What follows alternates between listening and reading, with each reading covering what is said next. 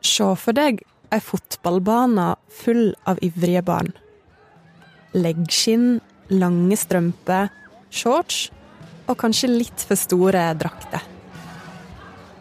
Aller fremst på banen løper en gutt. Han er blant de beste på laget. Han møter på alle treninger og trener for seg sjøl så ofte han kan. For en dag så drømmer han om å bli verdens beste. Mens midt på banen løper en annen gutt.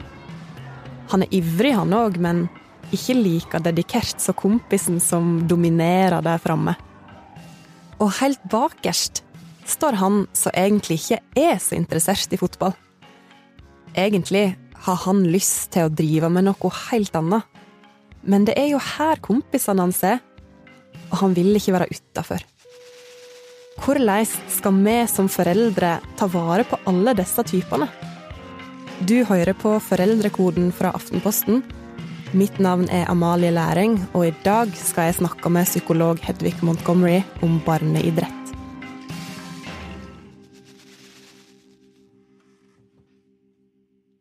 Hedvig, nå skal vi snart i gang med å snakke om det som kan være krevende og utfordrende når barnet ditt driver med idrett. Så jeg har lyst til å starte med det positive. Hva er det som er bra med å drive med idrett? Altså, alt som er lek, alt som er bruk av kroppen, alt som er allsidighet, alt som er styrt av lyst, er supert. Er det viktig at alle barn driver med idrett i løpet av oppveksten? Det er et veldig, veldig godt spørsmål, eh, og jeg kjenner så mange barn som ikke gjør det, mine egne inkludert.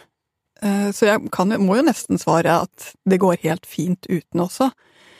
Men jeg tror at barn må få muligheten til å finne sin greie, finne noe de trives med, og de trenger å bruke kroppen sin. Og om det er organisert eller uorganisert, er egentlig ikke så viktig. Men lagidrett, har ikke det en egenverdi å lære seg å være sammen med andre og være på lag? Absolutt, og det er mye fint med det å spille på et lag, men det passer ikke alle barn. Og det finnes veldig mange andre steder å lære seg å samarbeide og hjelpe hverandre. Så må ikke spille fotball eller håndball. Så er det noen foreldre som kanskje har drevet med idrett sjøl, og så har kjempegode minner fra det, og så vil de så gjerne at barna skal få oppleve det samme. Hvor mye kan en pushe barna i den retningen hvis en er veldig ivrig sjøl? Vi ser jo det at det at foreldre har drevet med noen ting, lager en forståelse og en kultur i en familie som faktisk gjør det lettere for barna å drive med det samme. Det er ingen tvil om at har du drevet med noen ting selv, så har du en forståelse for det, du har lettere for å legge til rette for det, og det er lettere for barna å begynne med noe som på en måte foreldrene skjønner. Så mange ting går i familier akkurat på den måten. Foreldrene overfører sin kunnskap og sin interesse til barna, som da blir en del av det. Men det er helt klart at også de mest ivrige fotballentusiaster har fått barn helt uten forståelse for ball. Og selv de mest begeistrede golfspillerne har fått barn som ikke har tålmodighet et sekund til å gå sakte rundt og slå på den bitte lille ballen. Så du har ingen garanti. Det at du har vært interessert i det, er et startpunkt, men ditt barn kan finne noe helt annet. Så da skal du ikke pushe deg i den retningen i det hele tatt, da? Det rare er at hvis du lar barnet få lov til å finne noe annet, så kan det være at han eller hun blir der, eller det kan være at hun plutselig finner ut at ditt forslag allikevel var bra. Dette bølger, barn bruker tid på å finne det de interesserer seg for, det de trives med, og det de føler seg gode til. De skal ofte gjennom ganske mange forskjellige ting. Hvis du har et barn som driver med idrett, hva er det viktigste vi som foreldre kan gjøre for å gi barna våre idrettsglede, uansett hva slags nivå de er på? Og her er det så mange tips å komme med. Men jeg begynner med det aller viktigste først. Husk at barn alltid er mer enn det de gjør. Så selv om du har fått et barn som interesserer seg for noen ting, til og med er litt god på det, så husk at barnet er massevis av andre ting også. Eh, andre interesser, andre ting å snakke om. Ikke la den ene tingen bli det eneste som dere bruker tid og krefter på hjemme. Det er faktisk det aller viktigste. Og så går jeg videre. For på andreplass kommer å huske på at du skal tilrettelegge, altså du skal være litt til hjelp. Oppmuntre, sørge for at det blir ålreit å gjøre det han eller hun gjør. Finne leire som passer, eller finne de gode tingene, aktivitetene å gjøre utenom. Altså være litt interessert og litt til hjelp. En tilrettelegger. Men ligger du for langt foran og får massevis av ambisjoner på barnets vegne, så kommer barnet til å miste interesse ganske fort. Fordi det å ha noen som bare er opptatt av at du skal være på topp, gjør at du på et eller annet tidspunkt føler deg dårlig, fordi alle barn presterer i bølger. Så det ene er ikke ligg for langt foran. Ikke se for deg fotballkarrieren, eller eh, at nå har du en proff som skal forsørge deg som gammel. Det er lite sannsynlig. Og på samme måte, ligger du for langt bak, blir du en som ikke er til hjelp, ikke interesserer deg nok, ikke spør hvordan det har gått, ikke hjelper til med å være på riktig sted til riktig tid, så mister barnet muligheten til å bli så god som hun kunne ha blitt. Men det er vanskelig da å finne akkurat det punktet med for riktig motivasjon og riktig støtte. Det er kjempevanskelig, og dette er jo grunnen til at vi får problemer med det. At vi får foreldre som står og skriker på andre barn på fotballbanen og kjefter på treneren og rett og slett blir sitt barns manager og sitt barns eh, innpisker, istedenfor å bli den som barnet har det trygt med, og som gjør det gøy å drive med akkurat dette med. Men hvordan skal en finne det nivået? Hvordan skal en gå fram? Jeg tror jo Jeg har ett holdepunkt, og det er at hver gang du liksom sier åh, han er skikkelig flink, han kan virkelig bli noen ting, da skal du bremse. Å ja, hvorfor det? Fordi da har du drømt deg inn i en fremtid hvor barnet ikke ennå er. Barnet er her og nå og holder på og øver, og noe av det som gjør all form for aktivitet av denne typen så bra, det er jo nettopp at barna får lære seg å øve, lære seg å takle motgang, lære seg at det går bra og gjør det dårlig innimellom. Altså noe av det som virkelig gjør at organisert idrett gir barna nå en robusthet, er nettopp fordi det lærer barna opp- og nedturer. Hvis du som forelder blir altfor opptatt av du skal bli best, du kommer til å bli noe stort, du er bedre enn alle vennene dine, altså ta barnet bort fra denne egentlig øvesituasjonen, da har du falt i gryta og blitt ditt barns manager istedenfor forelder. Ja, for det fins jo en del foreldre som lever ut sine egne drømmer gjennom ungene sine, da. Og jeg må bare si, det er lett å bli revet med. Det er ikke alltid du merker det helt selv heller, for du er så stolt av barna dine. Så er det liksom litt sånn å, det var mitt barn som gjorde den pasningen. Du havner litt der at du bare ser deg selv og ditt eget barn. Men for barna er det superviktig at du ser alle. At du ser helheten. At du ser at det å drive med dette er mer enn bare meg og mitt. Hvis barnet ditt ikke finner seg til rette i idretten, ikke, klar, ikke lar seg motivere, hvordan kan du ha en samtale om å slutte? Fordi for mange så er jo vennene deres går der, de, er, de, de har lyst til å være med, men de finner ikke den motivasjonen, da. Jeg tror det er én ting å vite. Det blir veldig bra folk av dem som slutter, også. Og så tror jeg en ting til, det er at det å få lov til å prøve forskjellige ting gjør faktisk at barna blir bedre. Vi vet én ting, de som blir skikkelig gode, har ofte gjort mye forskjellig, ikke bare én ting. Så det kan til og med være kjempelurt å prøve noe annet, og hvis man vil komme tilbake igjen, så finnes det muligheten for det. Hvis du kobler alle aktivitetene opp mot vennene, og det blir en venneaktivitet istedenfor en idrettsaktivitet, så tar vi faktisk bort litt av idrettsgleden. Så det er helt i orden å gå på noe annet enn det vennene gjør. Man kan treffe venner på andre tider. Det er helt i orden å gjøre noe nytt. Du kommer til å treffe nye mennesker. Så er det noen barn som begynner og slutter, begynner og slutter, begynner og slutter. De holder så kort ut. Da tenker jeg at det kan være lurt å si prøv et halvt år, og så snakker vi om det. Altså rett og slett gi det litt tid til å prøve ordentlig. Men det er barna som eier fritidsaktivitetene, ikke vi voksne. Og det betyr også at vi ikke kan bestemme over hvilke fritidsaktiviteter de skal gå på.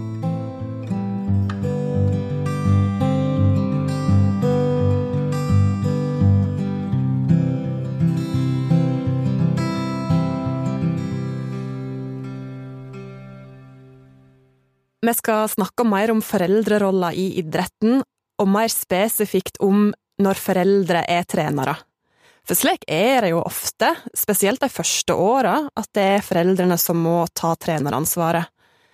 Men hvis du er en forelder som er trener for ditt eget barn, da er det noen feller du kan gå i. Absolutt. Nå må jeg bare si, Norge hadde ikke gått rundt uten mamma- og pappatrenerne. De er superviktige. Og det er faktisk en veldig fin aktivitet å drive med, for du kommer nær barnet ditt når du holder på med denne fellesaktiviteten. Eh, du får innblikk i hvordan barnet ditt fungerer i andre miljøer. Eh, og du blir også litt bedre pedagog selv, for du blir nødt til å lære deg noen pedagogiske grep eh, for å fungere som trener. Så mamma- og pappatrenere er viktige og grunnstener. Samtidig tror jeg vi skal huske noen ting. Det ene det er at da må du sette deg inn i. Hvordan trener man barn på denne alderen? Hvilke aktiviteter passer? Hvordan legger vi inn lek og moro? Hvordan lager vi variasjon? Du må rett og slett sette deg inn i det fagfeltet der, for det er et fagfelt å hjelpe barn til å bli bedre. Det å hjelpe barn til å bli bedre er nettopp å få dem akkurat passe opp på mestringsnivå, og så, når de er på mestringsnivå, gi dem den lille dyttet som gjør at de tør lite grann til. Det er et fag. Så det første er sett deg inn i faget. Det andre, det er se alle barna. Når du er der, så er du alles, ikke bare ditt eget barns, og det er litt vanskelig. Og kjenner du at det er vanskelig, prøv å bytte, sånn at uh, en annen forelder har det laget som ditt barn er på, og du har noen andre unger som du ikke kjenner like godt. Ja, fordi de foreldrene som blir trenere, har jo ofte barn som er gode. Ja, eller det hjelper dem til å bli gode, det er litt både og, men jeg ser i hvert fall når de kommer litt opp i årene og nærmer seg pubertet, eller er i pubertet, så trenger barn og ungdom noe annet enn sine egne foreldre, for de andre voksenpersonene er en enorm ressurs for barn i pubertet. Det å ha andre å se opp til, andre å spørre til råds, gjør at ungdomstiden går lettere, og faktisk er dette en av de veldig positive tingene med å drive et sted hvor du har en trener. Du får noen annen å spørre enn mamma og pappa, og du får noen annen som kommer med andre input enn det du syns er ganske dårlige ideer fra mamma og pappa. Så jo eldre barna er, jo viktigere er det at de får lov til å ha flere voksne rundt seg, ikke bare sine egne foreldre. Men i de tilfellene der det er foreldrene som må være trenere, til og med for de eldre barna, da er det jo sikkert veldig lett å ta med seg den trenerrolla inn i heimen. Kjempelett. Og du har sett ting som du har lyst til å kommentere, og du kommer plutselig på ting som skjedde på treningen som du får lyst til å ta opp, for hvis du trener et ungdomslag, så er du skikkelig engasjert selv, det kan jeg love. Dette er lite grann en eh, konsentrasjonsøvelse. Hjemmet er et sted for å slappe av, et sted for å gjøre andre ting, et sted for å eh, lade. Og det trenger barn og ungdom veldig. Så virkelig, prøv å tenke aktivt i bilen eller på sykkelturen eller mens dere går hjem. Nå legger jeg igjen trenerskoene og tar på meg kosebuksa. Men det gjelder jo ikke bare de foreldrene som er trenere, altså til og med veldig ivrige foreldre kan jo være frista til å ta med seg idretten hjem, og at det kan bli sånn åh, oh, nei, men skal du ete Du kan ikke ete det før trening, du må ete noe som er sunnere. Å, du har ikke trent i dag. At du blir den At du får den pusherolla hjemme òg, fordi du vil Du mener jo godt. Du mener veldig, veldig godt. Og barn trenger også litt grann pushing. Men jeg tror igjen at vi må bare forholde oss til de litt enkle tingene. Vær positiv. Altså, si eh, La det sitte løst med at det var bra, og det var fint, og det var gøy. Det andre, det er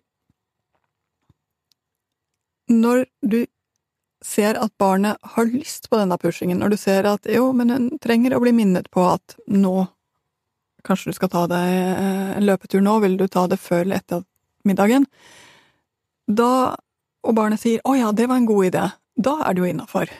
Eh, men når det blir en sånn 'åh, kommer du med det der nå igjen', når du ser at piggene vokser ut, så er du på feil spor.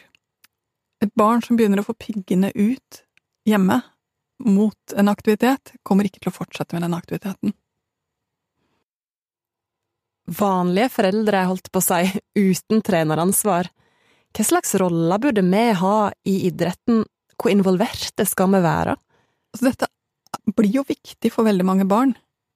Og jeg tror også at for at de skal kunne få lov til å bli så gode som de kan, så er det mer enn bare å drive med aktiviteten.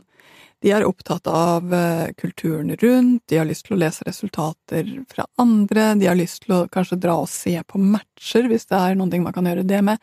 Altså, det blir jo en del av det man er i en periode, og spesielt ni-, ti-, elleveåringer skiller veldig lite mellom hva de gjør og hvem de er. Det sklir veldig over i hverandre. Siden så begynner de å skille på det igjen. Så jeg tror nok vi vil være med på at er det en interesse, så er det virkelig en interesse. De vil ha de spesialskoene til eh, bursdagen sin, og bør faktisk få det. De har lyst til å diskutere resultatlister, og du må nesten sette deg inn i det selv, fordi det er viktig for dem. Men pass på at det ikke er det eneste dere snakker om hjemme, og at det ikke er det som tar opp all fellestid som du har med barnet. Andre ting er fortsatt viktige. Men for det er jo noen foreldre, når barna blir større, så møter foreldrene likevel opp på alle treninger, og at det blir liksom en sånn familieaktivitet eller familieprosjekt, hele greia, da. Eh, er det lurt å la ungene Det er kanskje ledende spørsmål, men er det lurt å la ungene få ha den arenaen litt i fred òg? Finne ut av det sjøl? Altså, dette er en balansegang, fordi det er utrolig gøy å dele en interesse. Og det er stas at mamma og pappa interesserer seg for det som jeg brenner for. Og dette er et ganske nytt fenomen. Det er ikke veldig mange tiår vi skal tilbake igjen hvor det å se foreldre på sidelinjen var helt utenkelig. Det var få foreldre som sto der, og de som sto der, var de som var veldig opptatt av det selv. Det hadde lite med barna å gjøre.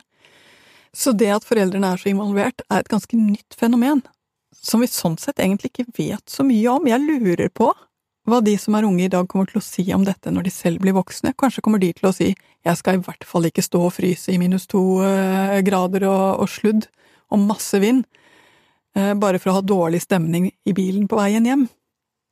Noen kommer helt sikkert til å si det. Så hva er det for noe jeg prøver å si? Det kommer an på hva slags stemning du lager når du står der, og det andre det er det prosjektet som begynner fra ti års alder oppover, det er og la barna få lov til å prøve mer på egen hånd. For de drømmer seg inn i et liv hvor de klarer seg selv, og da bør de få det litt etter litt. Litt mer tau, litt mer plass, litt mer muligheter til å gå på egen hånd, litt mer muligheter til å komme hjem og fortelle, istedenfor at de alltid har hatt et vitne. Men tilbake til det du sa med å lage hvordan stemning du lager når du står der. Eh, hva slags stemning skal du lage? Når du står der, så er din jobb å være rett og slett positiv for hele miljøet. Da skal du være interessert i alle barna som er med, og du skal eh, på en måte delta følelsesmessig i at dette er et godt sted å være.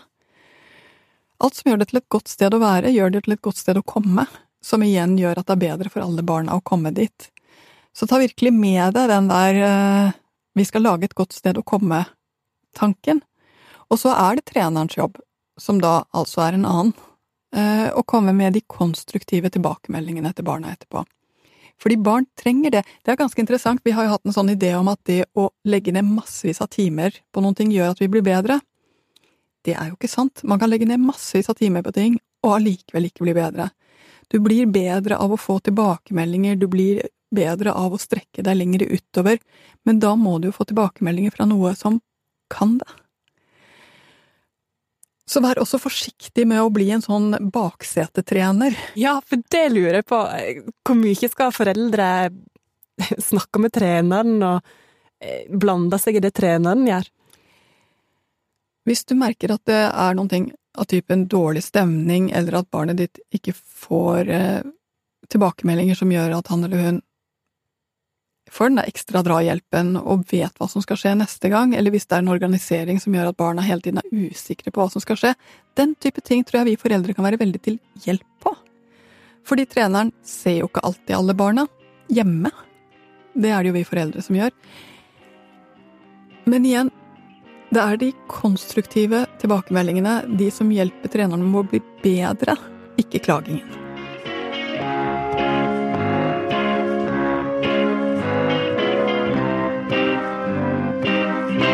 Har lyst til å snakke om det som kanskje er den største diskusjonen som finnes i barneidretten, eh, topping av lag. Er topping en god idé? Altså, vi er vel ganske sikre på at det er så mange ting som gjør at det å begynne å dele inn på den måten får noen til å føle seg små, og andre til å føle seg som superhelter for tidlig, er en kjempedårlig idé. Og det er noen grunner til det. Den ene det er at vi deler jo inn alle idrettslag etter årskull når barna er født. Det vil si at noen som er født tidlig på året, ligger foran de som er født sent på året. Men det sier ingenting om hvor disse kommer til å slutte senere. Så hvis vi bare ser på det årskull for årskull, så går vi glipp av veldig mange av dem som kan bli skikkelig gode senere, når det ikke er årskull som gjelder.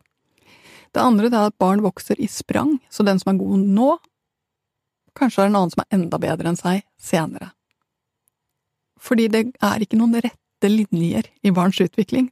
Det går i sprang. Og så er det en tredje ting.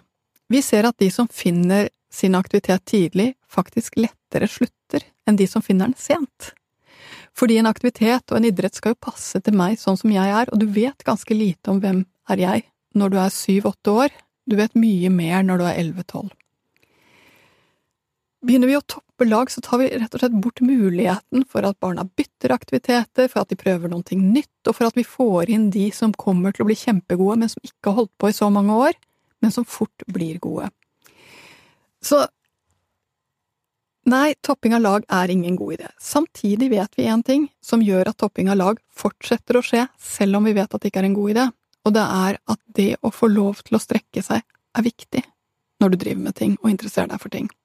Så hvis de som er flinke, ikke får lov til å gjøre litt mer, eller får lov til å gjøre ting som utfordrer dem litt, så kommer de til å miste interessen, og vi mister dem. Og det er jo heller ingen god idé. Så jeg tror at vi må løse det på en annen måte. Vi må rett og slett gi dem som eh, ligger foran akkurat nå, huske på at det er akkurat nå, gi dem noe ekstra, gi dem noen ekstra utfordringer på slutten, eller gi dem noen ting som, som gjør at de får lov til å strekke seg og kjenne på den der wow, jeg vokste. Og det riktig måte er ikke gjennom topping, det er gjennom riktig trening. Det finnes jo egne retningslinjer for det med topping, men disse blir jo ikke alltid fulgt i alle klubber. Hva gjør du hvis du har et barn som ikke får spille så masse? Jeg synes det er like trist hver gang jeg møter de barna. Og jeg vet også at det er faktisk en potensiell sløsing med talenter. For de barna som er litt sene, kan være de som blomstrer mest som 16–17-åringer. Jeg tror bare vi må minne hverandre på det hele tiden. Jobber vi med barn, så ser vi et øyeblikksbilde, men det sier ingenting om hvor det ender. En viktig del av idretten er jo det med fellesskap. Og hvordan kan foreldre og trenere jobbe for å ta vare på fellesskapet når spillerne eller utøverne er på så forskjellig nivå? Det høres kanskje rart ut, men vi skal aldri glemme at en felles busstur eller en felles eh, pizzastund betyr masse. Fellesskap handler nettopp om å lage de gode stedene, og møtes, snakke om det vi gjør, og også se at hver og en strekker seg fra der han eller hun er. Det å strekke seg, det å bli god til noen ting, handler om å først kjenne 'dette kan jeg få til', og så få de der utfordringene som gjør at du strekker deg litt. Og problemet er at når du står med en gruppe på 15 stykker, så er de 15 nødvendigvis på forskjellig sted. Det sier ingenting om hvordan de kommer til å bli. Det sier bare noe om at de er på forskjellig sted akkurat nå. Og det er litt av en jobb å lage den stemningen som gjør at alle sammen trives, at treningen begynnes og avsluttes på en sånn måte at alle føler mestring, men det er faktisk et godt tips. Alle skal ha kjent at de har fått til noen ting når de går hjem, men ingen skal ha fått til absolutt alt. For hvis alle sammen får den der opplevelsen av at jeg var der, og jeg fikk til noen ting, og det var gøy, så kommer de tilbake igjen, og da kommer nivået til å jevnes ut etter hvert. Tilbake til det med topping. På et eller annet tidspunkt så vil de jo begynne å toppe. De begynner å bli voksne, eller begynner med senioridrett. Mange begynner jo med det når de er 15-16. Når tenker du at de er modne nok til å begynne med det med topping, og til å takle det? Altså, nå må jeg bare si at når de kommer opp i 15-16-årsalderen, så har de veldig god kontroll på hvem som kan hva. Eh, og de begynner også å bli ganske trygge i det de gjør. Idrettsforbundene legger ned mye arbeid på å se på disse tingene. Jeg syns egentlig de er ganske kloke. Så jeg tror kanskje vi bare skal være litt flinkere til å, å se at den intensjonen som ligger bak, nemlig at alle skal ha glede av å bruke kroppen sin og kjenne etterpå at jeg drev med det, og det var fint. Det gjør at det blir god plass også til de veldig, veldig få som kommer til å dra det videre og bli proffe.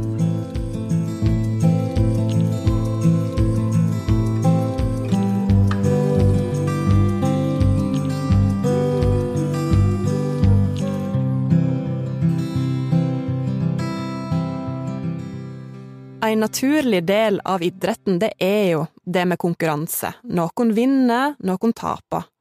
Og som forelder så kan det jo være veldig lett å si det er innsatsen som teller, og noen de går i helt andre enden og har et voldsomt fokus på å vinne, voldsomt fokus på å skåre mål, på tide.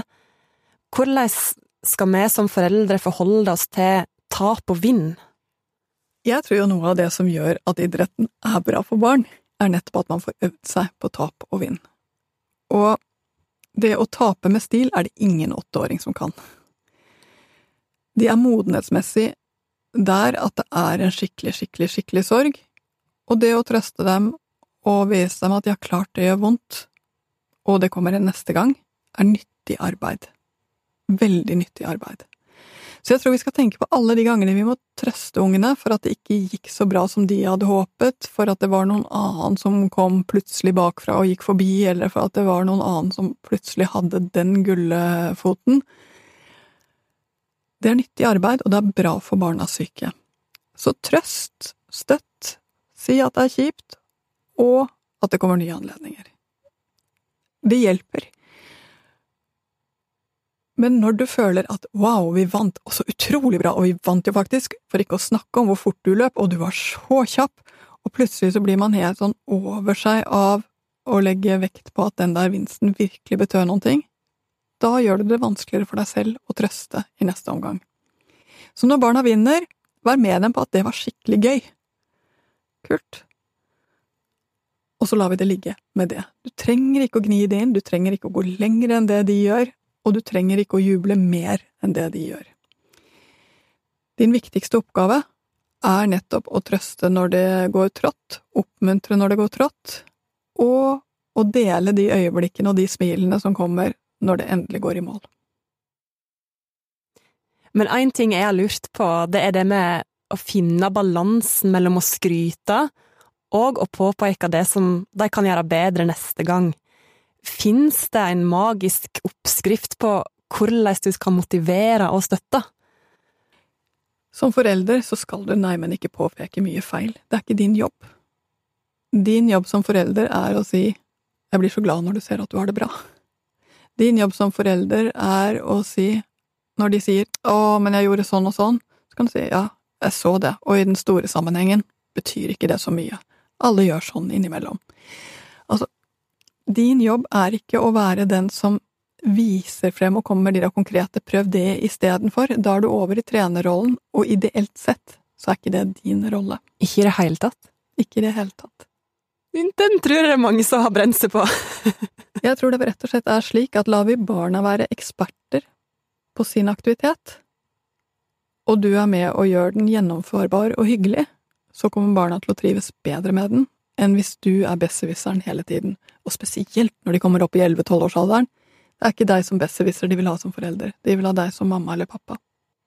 Men det er jo så fristende hvis du står og ser på en kamp eller på et løp, og du veit at det bor mer inni deg, men at de kanskje er litt for forsiktige, og du vil liksom bare gi dem det dyttet eh, til å, til å få til mer, da. Og det rare er at det dyttet er nettopp at du sier det kommer en neste gang. Prøv da. Se hva som funker da. Eh, og snakk med treneren i forkant hvis du er usikker. Klarer vi å støtte opp om at ja, det bor mer i deg, og du kommer til å finne ut hvordan du får det ut, så kommer de til å få det ut. Og så er det faktisk én liten regel til, og det mener jeg er en regel. Aldri kjeft eller straff rundt barnas fritidsaktiviteter. De er ment å være positive, de er ment å styrke barnet. Kjeft og straff bryter ned.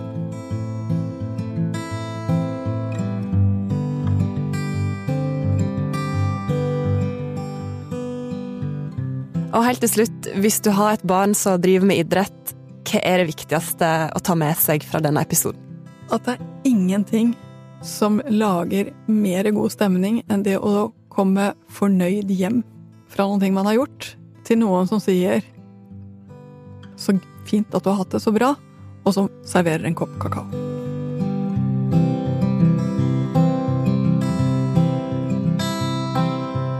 Foreldrekoden har en egen Facebook-side der du kan be om å dele råd og tips. Følg oss gjerne på Instagram òg. Og hvis du lurer på noe, så send oss gjerne en mail på foreldrekoden at aftenposten.no. Foreldrekoden er ellers laga av meg, Amalie Læring, og produsent Fride Nesten Onsdag. Ansvarlig redaktør er Trina Eilertsen.